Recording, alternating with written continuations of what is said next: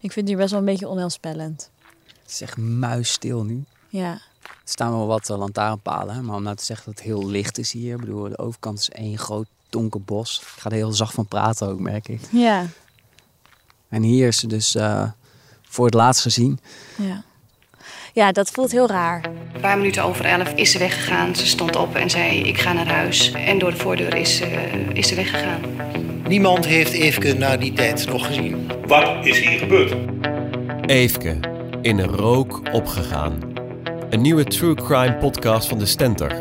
Nu te beluisteren via alle podcastplatforms en via ad.nl/slash podcasts. Het is toch raar? Ze kan hem nog leven, hè? Ja. Ze kan, ik bedoel, ze kan zo mo- morgen voor de deur staan.